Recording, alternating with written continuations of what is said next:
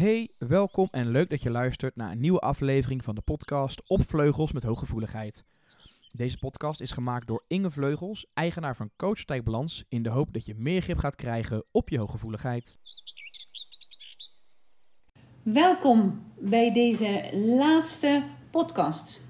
Deze podcast wil ik je als een cadeautje meegeven omdat je interesse hebt getoond in de vierdaagse mini-training wat betreft hooggevoeligheid. Ik wil je belang uitleggen van aarde, want we zijn al zoveel in ons hoofd bezig. En het is heel goed om ook naar ons buikgevoel te gaan, om beter naar ons hart te luisteren. En de komende afschermoefening die ik je ga leren, is een hele mooie om te zorgen dat je beter in balans bent, dat de energie meer bij jezelf blijft en dat er minder energieoverdracht is met de ander. Ik zal op een rustige manier de oefening uitleggen en wens je er heel veel succes mee. Ga rustig op een stoel zitten met beide benen op de grond. Kruis niet je benen, kruis niet je armen en liefst met blote voeten. Breng je ademhaling naar je buik. Maak denkbeeldige pootjes aan je voeten, zet ze open en stuur alle gedachten, gevoelens en gedrag naar de aarde.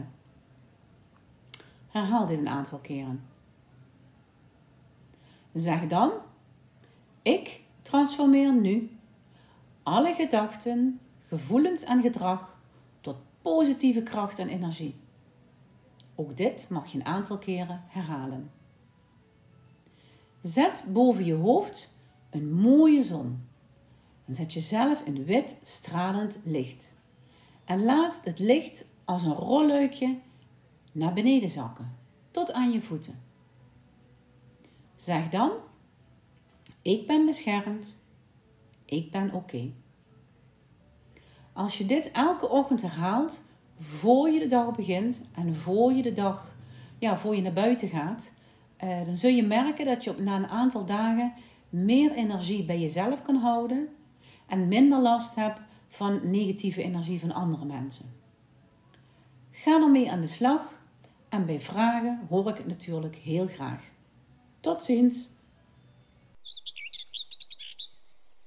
Hopelijk heb je wat gehad aan deze podcast. Wil je nou altijd op de hoogte blijven? Vergeet dan niet deze podcast te volgen en te liken. En voor meer informatie kun je terecht op coachpartijbalans.nl.